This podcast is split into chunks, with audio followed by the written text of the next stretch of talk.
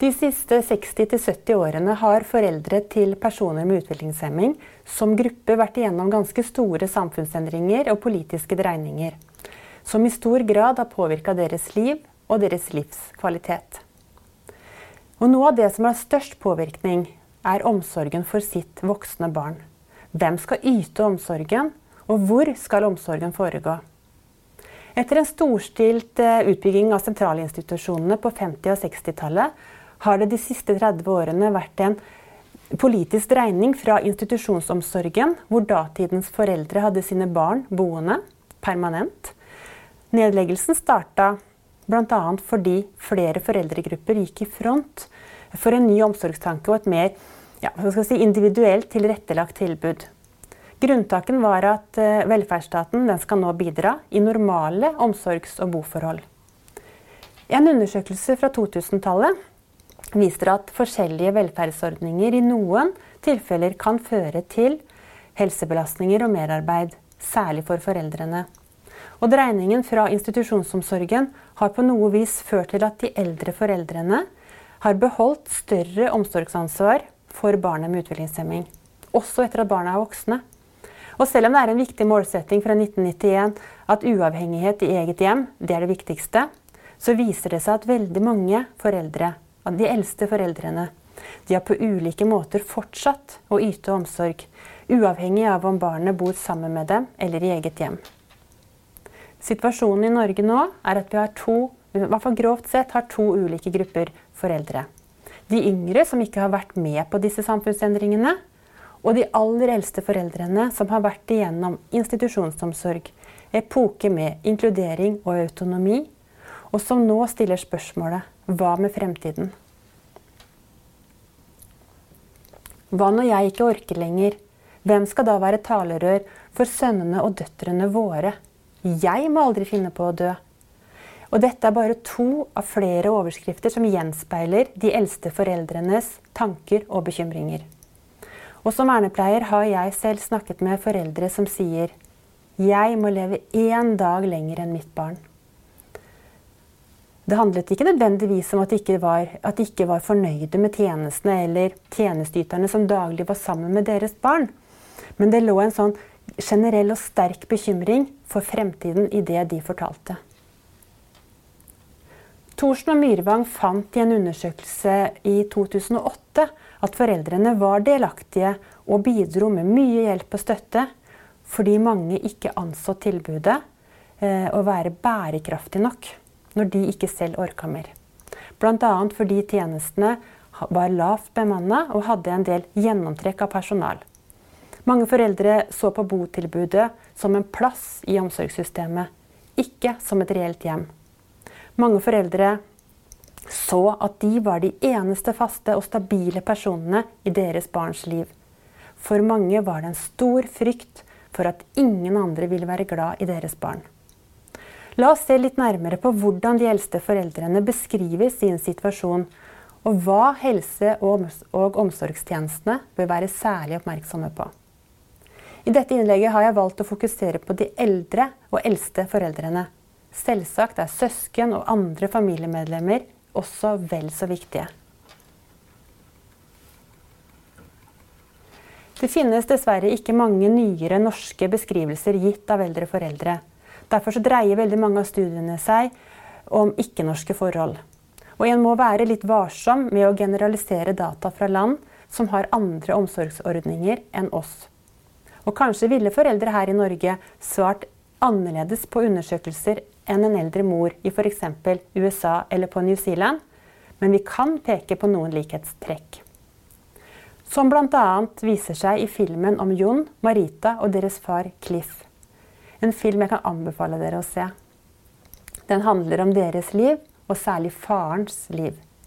De bor sammen i barndomshjemmet på New Zealand. Og Cliff har hatt full omsorg for sine barn i eget hjem hele livet. Det er ikke så vanlig her hos oss. Men den livsinnsikten og bekymringene som Cliff forteller om, er nok ganske så universelle og uavhengige av bosted og omsorgssituasjon. Mye av det han forteller om, dreier seg om psykisk helse i eget liv. Hvordan han har måttet holde seg frisk og har forsaket et helt normalt familieliv, samt flere fremtidsbekymringer han går og bærer på. I USA så bor omtrent tre fjerdedeler av alle de som har utviklingshemming, sammen med sine familiemedlemmer. Og flere enn 25 av de voksne som har utviklingshemming, bor med foreldre som er over 60 år. I Canada ser vi at det bor eh, mellom 50 og 60% av de som har utviklingshemming, de bor sammen med sine foreldre. Det viser altså en høy andel foreldreinnsats. Akkurat hvor mange foreldre som yter bistand til voksne barn med utviklingshemming her i Norge, det vet vi ikke. Men det er estimert at omtrent 1,5% av befolkningen har utviklingshemming. Det utgjør omtrent 75 000 mennesker. Alle disse trenger ikke hjelp fra helse- og omsorgstjenestene. Men trolig er det flere enn de om lag 20 000 som er registrert og få tjenester, som trenger hjelp. Og spørsmålet er da er det foreldre som gir omsorg og følger opp med tjenester? Og hvor stor er egentlig belastningen? Studiene som har undersøkt de eldre foreldrene, de peker på mye av det samme som avisoverskriftene her i Norge. Hovedbekymringene handler om hva vil skje med mitt barn når jeg dør? De eldre foreldrene ønsker å fortsette omsorgen så lenge som mulig, og flere ser behov for å lage fremtidsplaner. Mange har bekymringer for barnas økonomi, og om boforholdene er tilfredsstillende, og om egentlig tjenestene er gode nok. Og det er mange årsaker til disse bekymringene. Noe henger sammen med tidligere erfaringer med helse- og omsorgstjenestene og samfunnet for øvrig. Flere har møtt mange ulike tjenesteytere gjennom et langt liv. Og det å stadig utvikle og opprettholde fortrolige forhold, det har for mange vært veldig stressende. Flere tenker bryr du deg? Er mitt barn trygt? Er mitt barn lykkelig? Og er jeg en god nok forelder? Mange har erfart lang ventetid for å få innvilga tjenester eller sted å bo, samt vanskelig og utilgjengelig informasjon om tjenestene. Og flere foreldre har selv opplevd å miste sine sosiale relasjoner.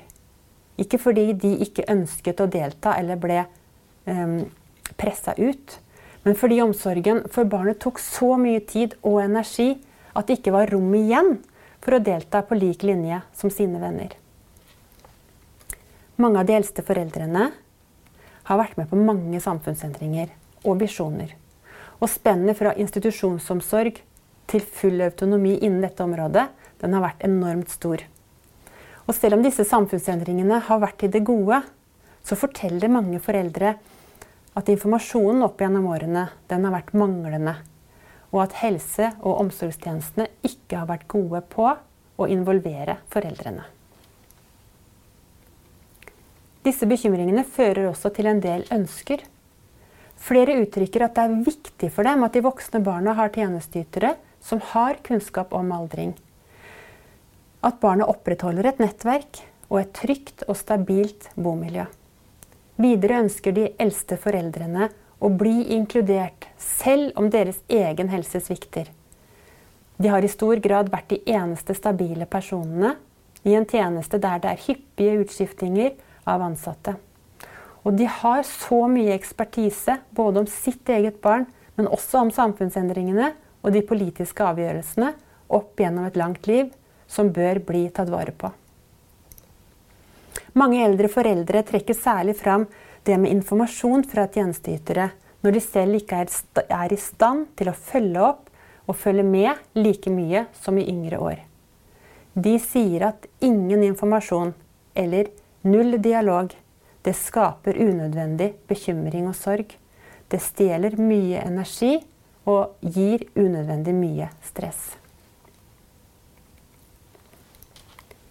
Begrepet 'den doble aldringen' den handler om at samtidig som de voksne foreldrene blir eldre og opplever egen aldring, får også de voksne barna aldersrelatert funksjonssvikt.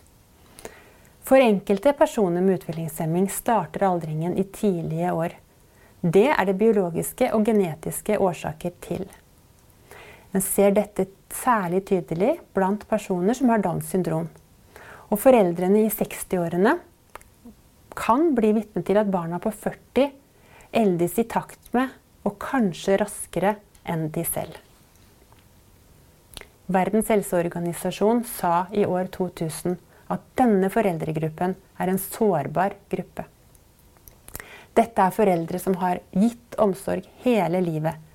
Det er sjelden barna gifter seg eller får samboere som kan ta seg av dem i eldre år. Og foreldrene må dermed håndtere en aldringsprosess samtidig som de oppfyller omsorgsrolle og fortsatt er engasjert i barnas Altså i det aldrende barnets aldring. En dobbel aldring, rett og slett. En studie fra 2017 har sett nærmere på denne situasjonen. Forskerne kom fram til at det er to hovedgrupper av eldre foreldre. De som er oppmerksomme på egne behov, og de som ikke er oppmerksomme på sine egne behov. Og innenfor disse to gruppene så finner vi igjen fire ulike foreldremønstre.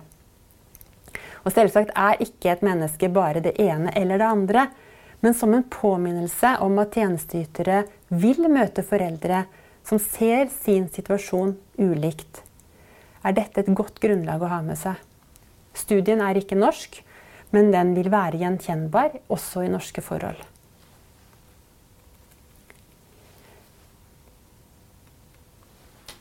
I gruppen over foreldre som er oppmerksomme på egne behov, så finner vi de som sier at 'jeg har gjort mitt', og man finner de som sier 'jeg kan, og jeg vil fortsatt delta'.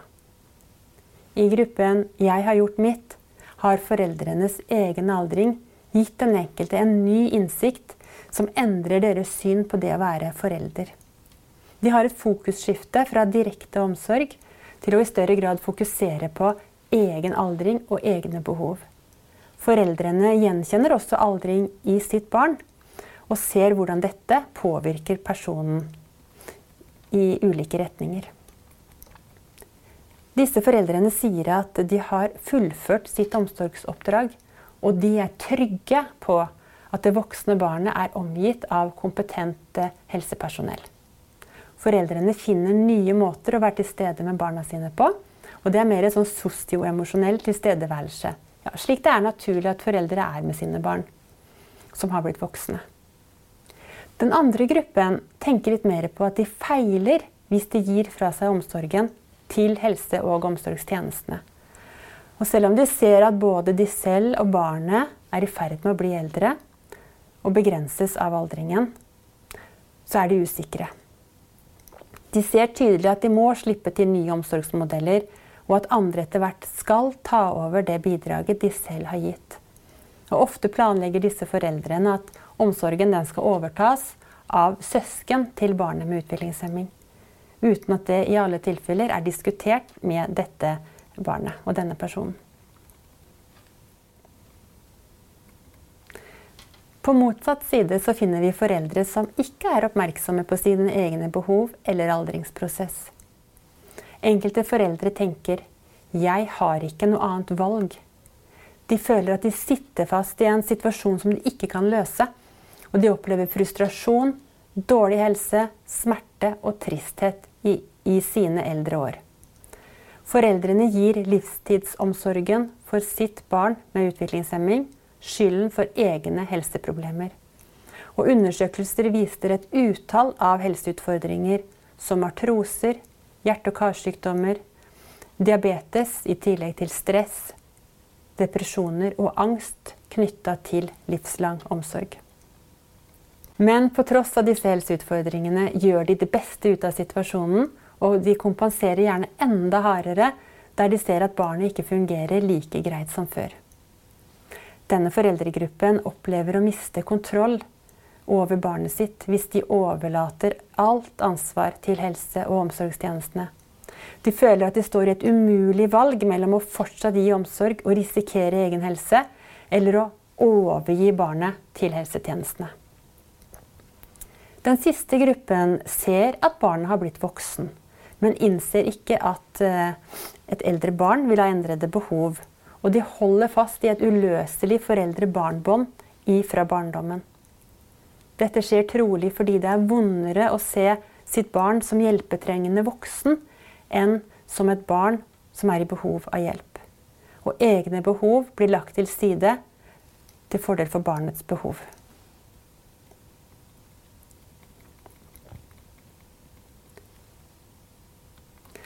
Dette er i stor grad foreldre som har et lite eller fraværende nettverk. Men det positive er at barnets tilstedeværelse sørger for at foreldrene ikke blir ensomme i aldringen. Blant denne gruppen trer ofte ikke helse- og omsorgstjenestene inn før krisen har blitt et faktum. Når foreldrene dør, eller når barnets omsorgsbehov har blitt så store at foreldrenes egen helse ikke lenger strekker til. Å være oppmerksom på foreldrenes behov og de ulike behova er viktig hele tiden. Men blir særlig viktig når eh, det aldrende barnet har fått en alvorlig diagnose, som f.eks. en demensdiagnose. Og I 2018 så ble en artikkel om omsorgsperspektiver ved utviklingshemming og demens publisert. Her ser vi ulike perspektiver fra ulike land, og artikkelen presenterer også informasjon fra Norge.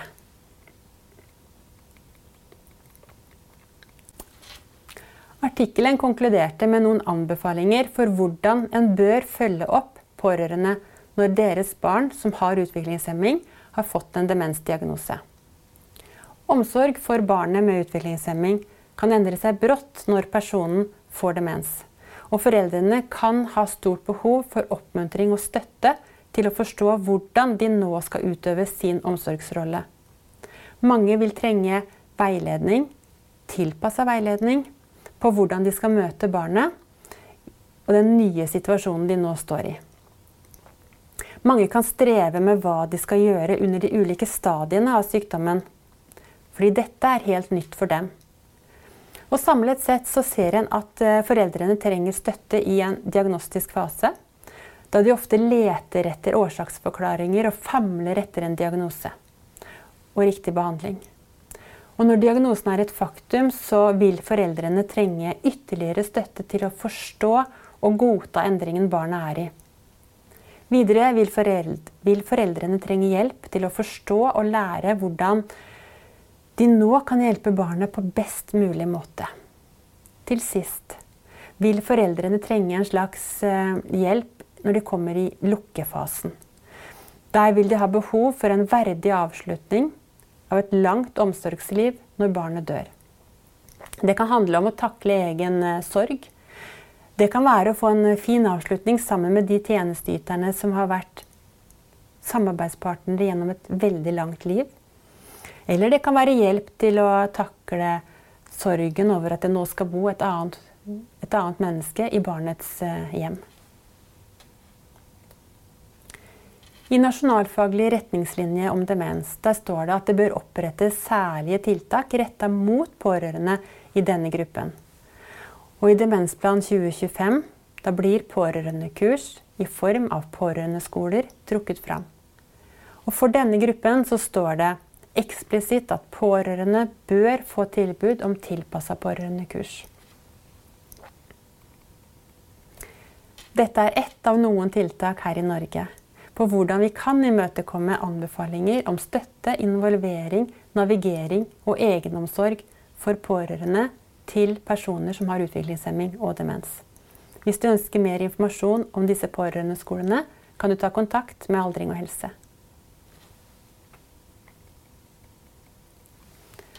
Avslutningsvis.